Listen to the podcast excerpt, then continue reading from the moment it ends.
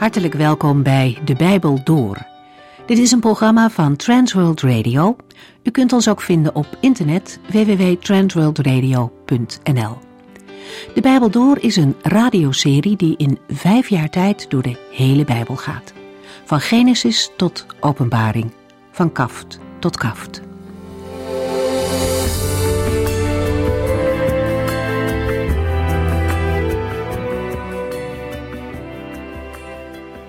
In deze uitzending lezen we verder in Hebreeën 9.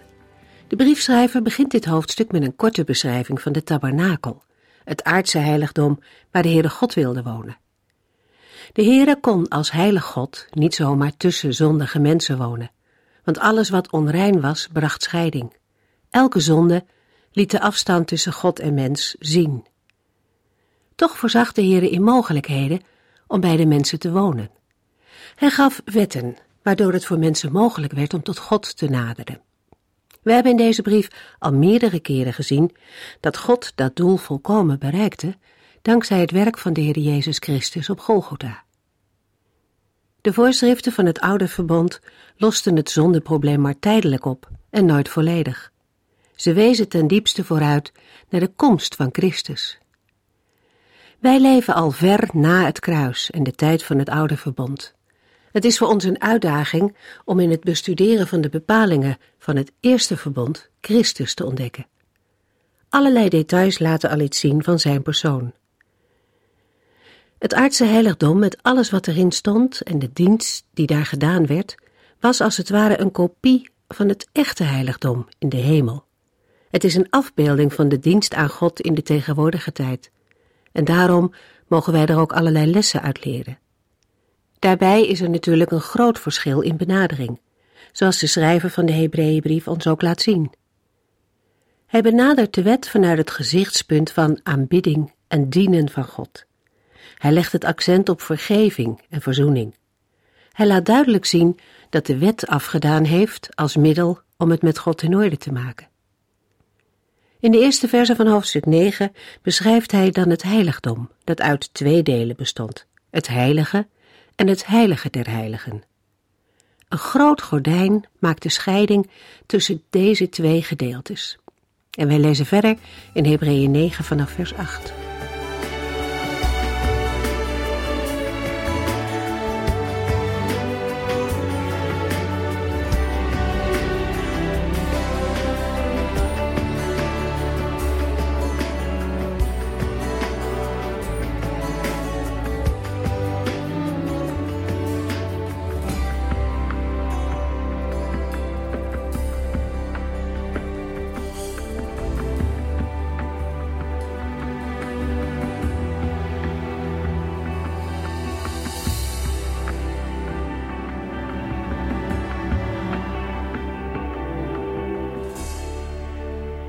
Vorige uitzending sloten we af met Hebreeën 9, vers 8, waar we lazen: De Heilige Geest wilde daarmee duidelijk maken dat men niet in het Allerheiligste kon komen, zolang de tent van het eerste verbond nog dienst deed. De heilige voorwerpen en handelingen met betrekking tot de tabernakel uit het Oude Testament zijn illustraties bij het geschreven woord van God. De voorwerpen, handelingen en het op schrift gestelde woord van God in het Oude en Nieuwe Testament zijn allen van de Heilige Geest. De Geest die het hele Oude of Eerste Verbond vervult, met een ook voor ons beklemmende actualiteit. Al vanuit het Oude Testament is vanaf het begin, na de zondeval en de verdrijving van de mensen uit de Hof van Ede, duidelijk dat een mens vanuit zichzelf niet bij de Here in het Allerheiligste kon komen. De inrichting van de tabernakel en de bepalingen voor de priesterdienst, die de Heer aan Mozes had geopenbaard, waren daarvan een illustratie en bewijs. Daarom kan ook gezegd worden dat in deze inrichting en bepalingen een voortdurende onderwijzing van de Heilige Geest ligt. Het Allerheiligste waarin God aanwezig was, werd door het voorste deel, waarin alleen de priesters mochten komen, afgesloten voor het gewone volk. Maar de aardse tabernakel was een beeld van de hemelse werkelijkheid. Zo was ook de toegang tot God in de hemel voor de mensen onmogelijk, omdat hun zonden scheiding maakten tussen God en hen. Omdat de offers niet in staat waren werkelijk de zonde te verzoenen, bleef deze situatie ook zo. Pas door het volmaakte, verzoenende offer van Jezus Christus wordt de toegang tot het hemelse heiligdom, de troon van God, mogelijk gemaakt voor alle gelovigen. Op het moment dat de Heer Jezus Christus aan het kruis stierf, scheurde het voorhangsel tussen het heilige en het allerheiligste. Vanaf dat moment had de aardse tabernakel, tempel en priesterdienst van het eerste verbond geen recht meer van bestaan, ook al bestonden deze zaken daarna nog veertig jaar. Hebreeën 9 vers 9 Hieruit kunnen wij een belangrijke les leren. Ook al werden al deze gaven en offers gebracht, ze konden het geweten van de mensen toch niet zuiveren. De woorden hieruit kunnen wij een belangrijke les leren slaan terug op het voorgaande. In de Griekse tekst lezen we: Dit alles is een zinnenbeeld of afbeelding voor de huidige of tegenwoordige tijd. Het bestaan van de eerste tent is een beeld, een symbool, een illustratie met betrekking tot de tegenwoordige tijd. Dat wil zeggen dat de verhouding tussen God en mens in de tegenwoordige tijd symbolisch was afgebeeld in de inrichting van de tabernakel en de bepalingen voor de priesterdienst. Daarin werden twee dingen duidelijk geïllustreerd. 1. De ontoegankelijkheid van God en 2. Het ontoereikende van de oud-testamentische offers. Immers de oud-testamentische offers moesten steeds worden herhaald en degenen die een offer kwamen brengen, ervoeren geen verzoening in hun geweten. Daarover lezen we in Hebreeën 10, vers 1 tot en met 4. De wet van Mozes gaf maar een versluierd beeld van de geweldige dingen die Christus voor ons zou doen. Jaar in jaar uit werden telkens weer dezelfde offers gebracht. Maar toch konden de deelnemers aan deze eredienst niet tot volmaaktheid gebracht worden. Als dat wel had gekund, zou één offer genoeg zijn geweest. Dan zouden de gelovigen eens en voor altijd gereinigd zijn en zouden zij geen besef van schuld meer hebben. Maar wat er gebeurde, was precies het tegenovergestelde. In plaats van hen van zonde te bevrijden, herinnerden die jaarlijkse offers hun aan hun ongehoorzaamheid en schuld. Want het bloed van stieren en bokken kan nooit voorgoed met de zonde afrekenen. Al deze dingen waren een afbeelding voor de tegenwoordige tijd. De woorden tegenwoordige tijd in de Griekse tekst van vers 9 gaan terug op het Joodse onderscheid tussen de wereld of tijd van vandaag en de komende wereld of tijd. De schrijver van Hebreeën neemt dit onderscheid over. De tegenwoordige tijd staat tegenover de tijd van herstel, de toekomstige wereld, de tijd van de vervulling van Gods beloften, de tijd van het nieuwe en betere verbond die met de verhoging van Christus is begonnen. De tegenwoordige tijd is daarom de tijd van het oude verbond. De schrijver van Hebreeën zegt tegen zijn lezers: die tijd is al aan het verdwijnen.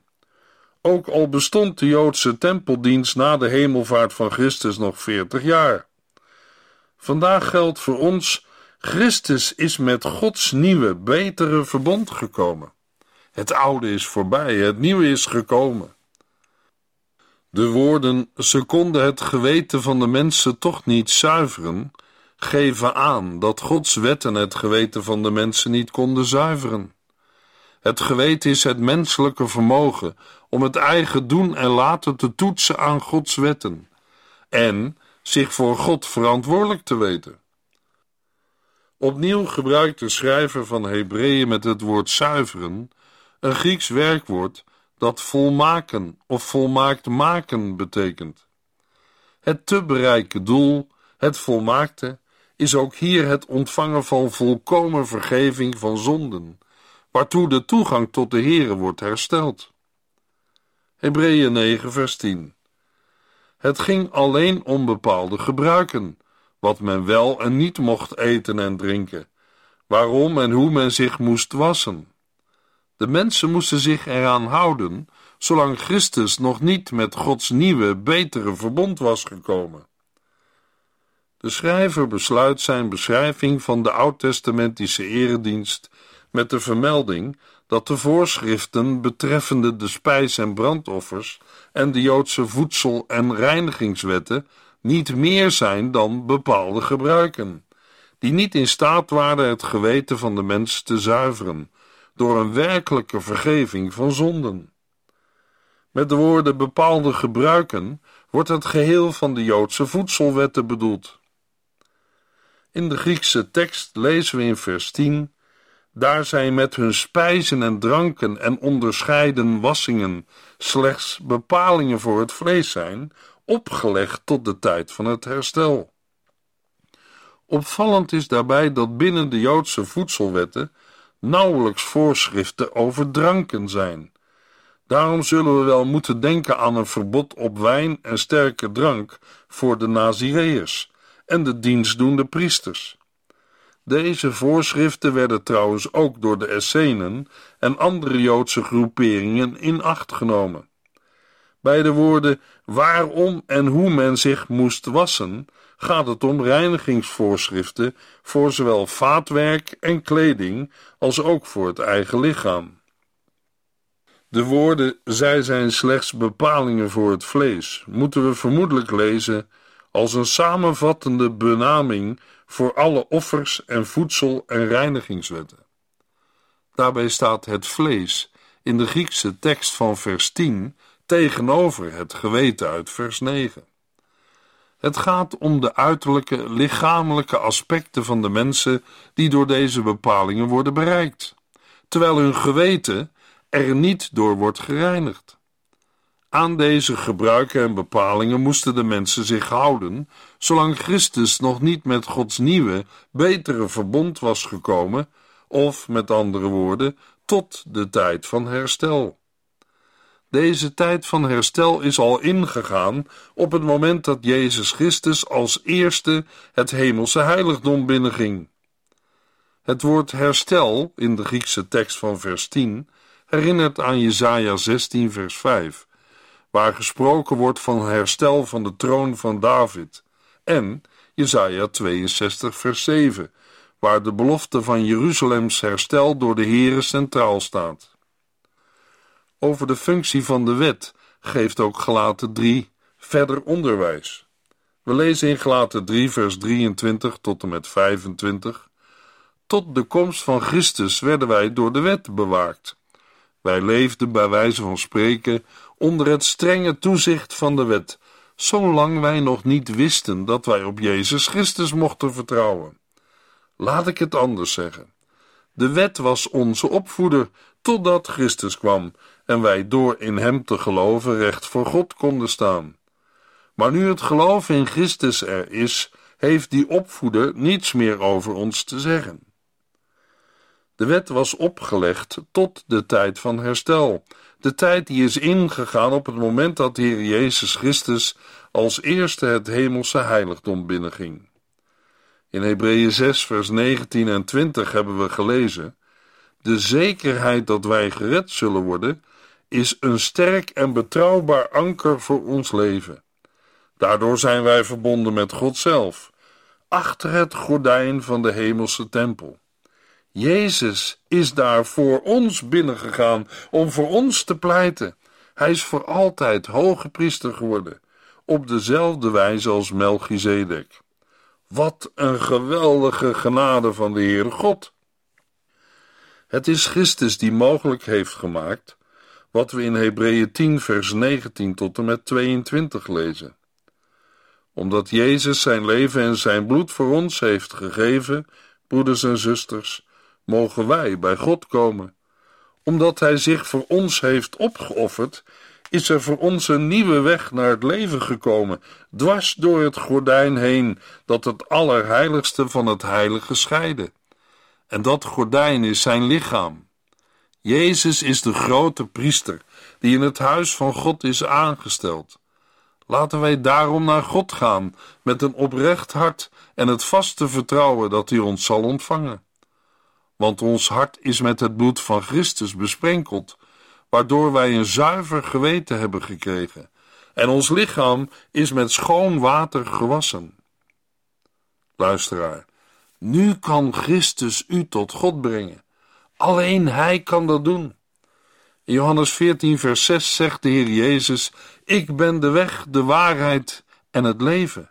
Ik ben de enige weg tot de Vader. Wij mogen de levende God aanbidden en eren voor zijn overweldigende genade en leven zoals hij dat wil. In Efeziërs 5 moedigt de apostel Paulus de gelovigen aan om zo te leven. We lezen in Efeziërs 5 vers 18 tot en met 20: Bedrink u niet, want daardoor verliest u de controle over uzelf. Wees daarin tegen vol van de Heilige Geest. Spreek veel met elkaar over de Heer en zing psalmen, lofliederen en geestelijke liederen. Zing met heel uw hart voor de Heere. Dank God onze Vader, altijd voor alles, in de naam van onze Heer Jezus Christus. Hebreeën 9 vers 11 Christus kwam als hoge priester van het nieuwe verbond dat wij nu hebben. Hij is de grotere en meer volmaakte tent in de hemel binnengegaan, die niet door mensen is gemaakt en niet tot deze wereld behoort. De Griekse tekst van vers 11 begint met maar Christus. Het woordje maar markeert het grote verschil tussen enerzijds het aardse heiligdom en de daarbij behorende offerdienst, en anderzijds het volmaakte offer van Christus in het hemelse heiligdom. In alle opzichten overtreft de offerdienst van Christus die van de Levitische priesters. In vers 11 ligt de nadruk op het betere heiligdom waarin Christus is binnengegaan. Daarmee staan de versen 11 tot en met 14 opnieuw in het teken van de grote verzoendag. Dat Christus als hoge priester kwam, wijst op de komst van Christus bij God de Vader met hemelvaart, toen God de Vader hem aansprak met de woorden: U bent de eeuwige priester. Christus is hoge priester van het nieuwe verbond dat wij nu hebben. Daarbij gaat het ook om de toekomstige wereld, dat wil zeggen de komende eeuwigheid waarin Gods heil ten volle gestalte krijgt. In deze heerlijkheid is Christus al binnengegaan en door Hem, als ook door de Heilige Geest, hebben de gelovigen daar nu al deel aan. Daarbij moeten we denken aan het heil en de genade van God, die door Christus het deel van de gelovigen is en wordt. Want Hij is de grotere en meer volmaakte tent in de hemel binnengegaan. Dat deze groter en meer volmaakter is dan de aardse afbeelding ervan, is vanzelfsprekend. Immers, hij is niet door mensen gemaakt, maar door God zelf. Ze behoort dus wel tot het geschapene, maar niet tot de aardse materiële schepping. Hebreeën 9, vers 12. Eens en voor altijd ging hij met bloed het Allerheiligste binnen en sprenkelde het op de plaats waar de zonden worden vergeven. Maar dat was niet het bloed van bokken en kalveren, nee, het was zijn eigen bloed.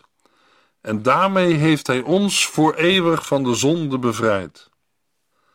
Na de grotere en meer volmaakte tent in de hemel komt nu in vers 12 de meer volmaakte verzoeningsdienst van Christus aan de orde. De Levitische hoge priester ging ieder jaar met bloed, het bloed van een jonge stier en dat van een bok, het allerheiligste binnen. De verzoening die hij daarmee bewerkte was beperkt, zodat dit offer ieder jaar op de grote verzoendag moest worden herhaald.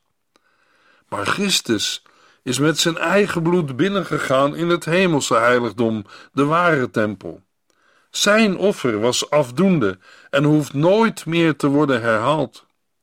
We lazen, en daarmee heeft hij ons voor eeuwig van de zonde bevrijd.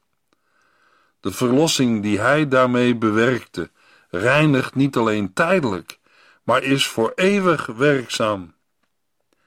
In deze beschrijving van de verzoening wordt het plaatsvervangend sterven van Christus op Goede Vrijdag en zijn hemelvaart samengenomen.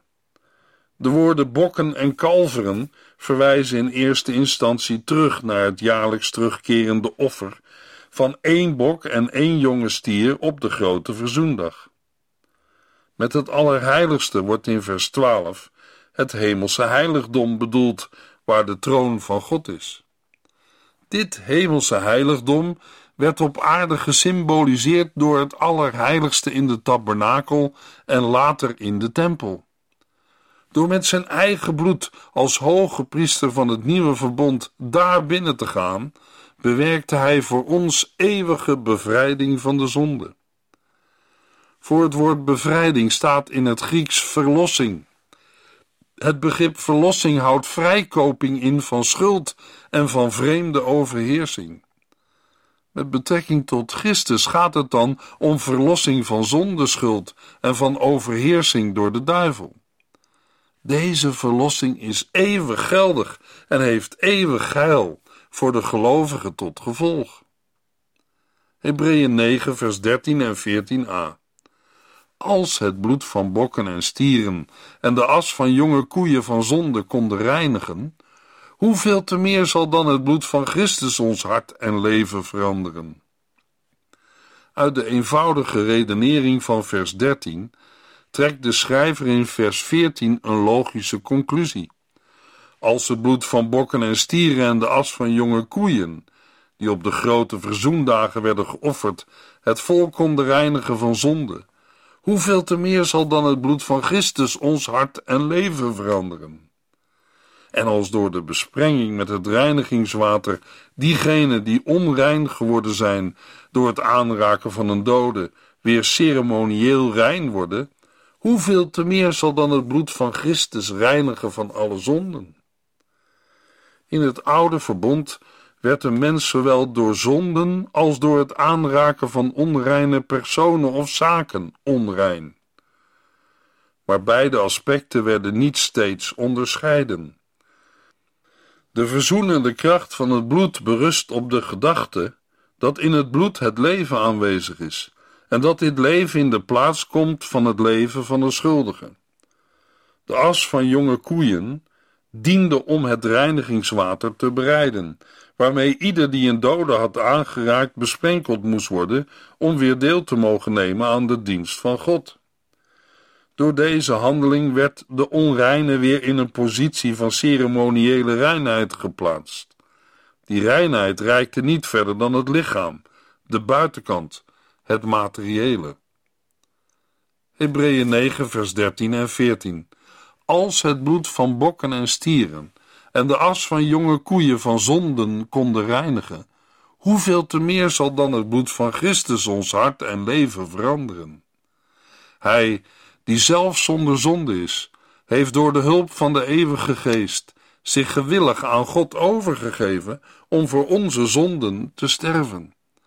Daardoor wordt ons geweten gezuiverd van daden die tot de dood leiden en kunnen wij de levende God dienen.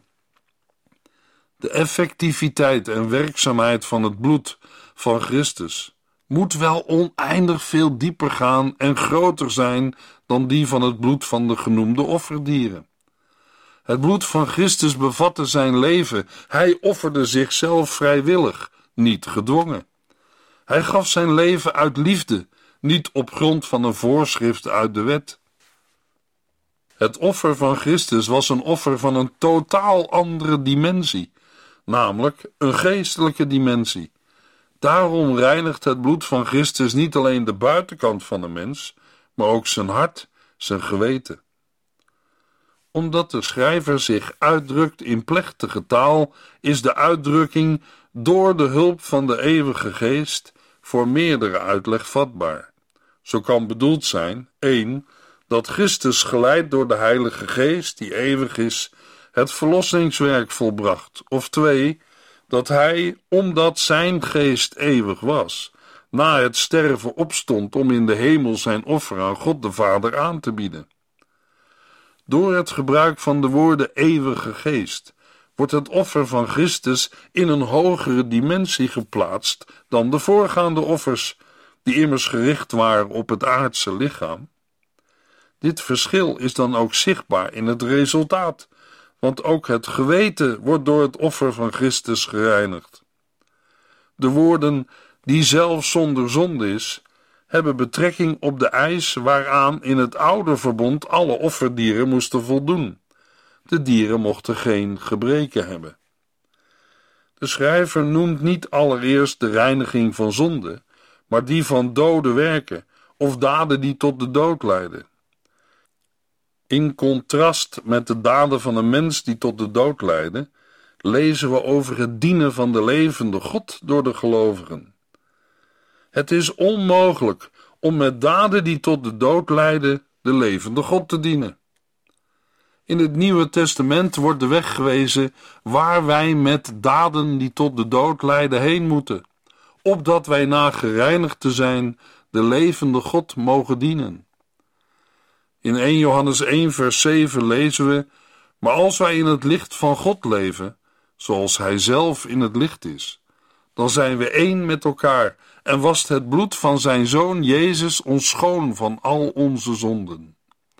En in vers 9, maar als wij onze zonden bekennen, is God zo trouw en rechtvaardig ons die te vergeven. Dan reinigt Hij ons van alles wat we verkeerd hebben gedaan. Hebreeën 9, vers 15. Hij heeft ervoor gezorgd dat er een nieuw verbond kwam, zodat iedereen mag komen om te genieten van de rijkdom die God beloofd heeft. Christus is gestorven om hen te redden van de straf die zij verdienden door de zonde die zij onder het oude verbond hadden gedaan. Het offer van Christus wordt in vers 15 bezien vanuit twee aspecten. Ten eerste als inwijding en bekrachtiging van een nieuw verbond en ten tweede tot bevrijding van de zonde. Maar daarover meer in de volgende uitzending. Dan lezen we vanaf Hebreeën 9, vers 16.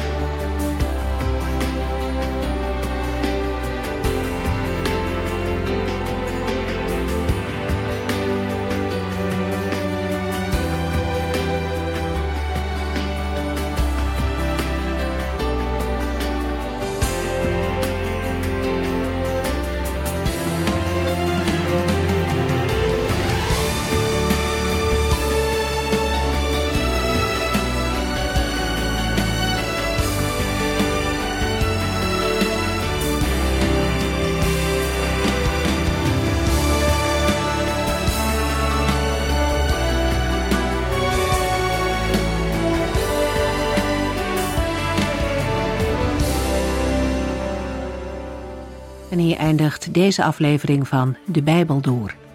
Een serie programma's van Transworld Radio. Wilt u ons iets vragen of meer weten? Dan kunt u altijd contact met ons opnemen.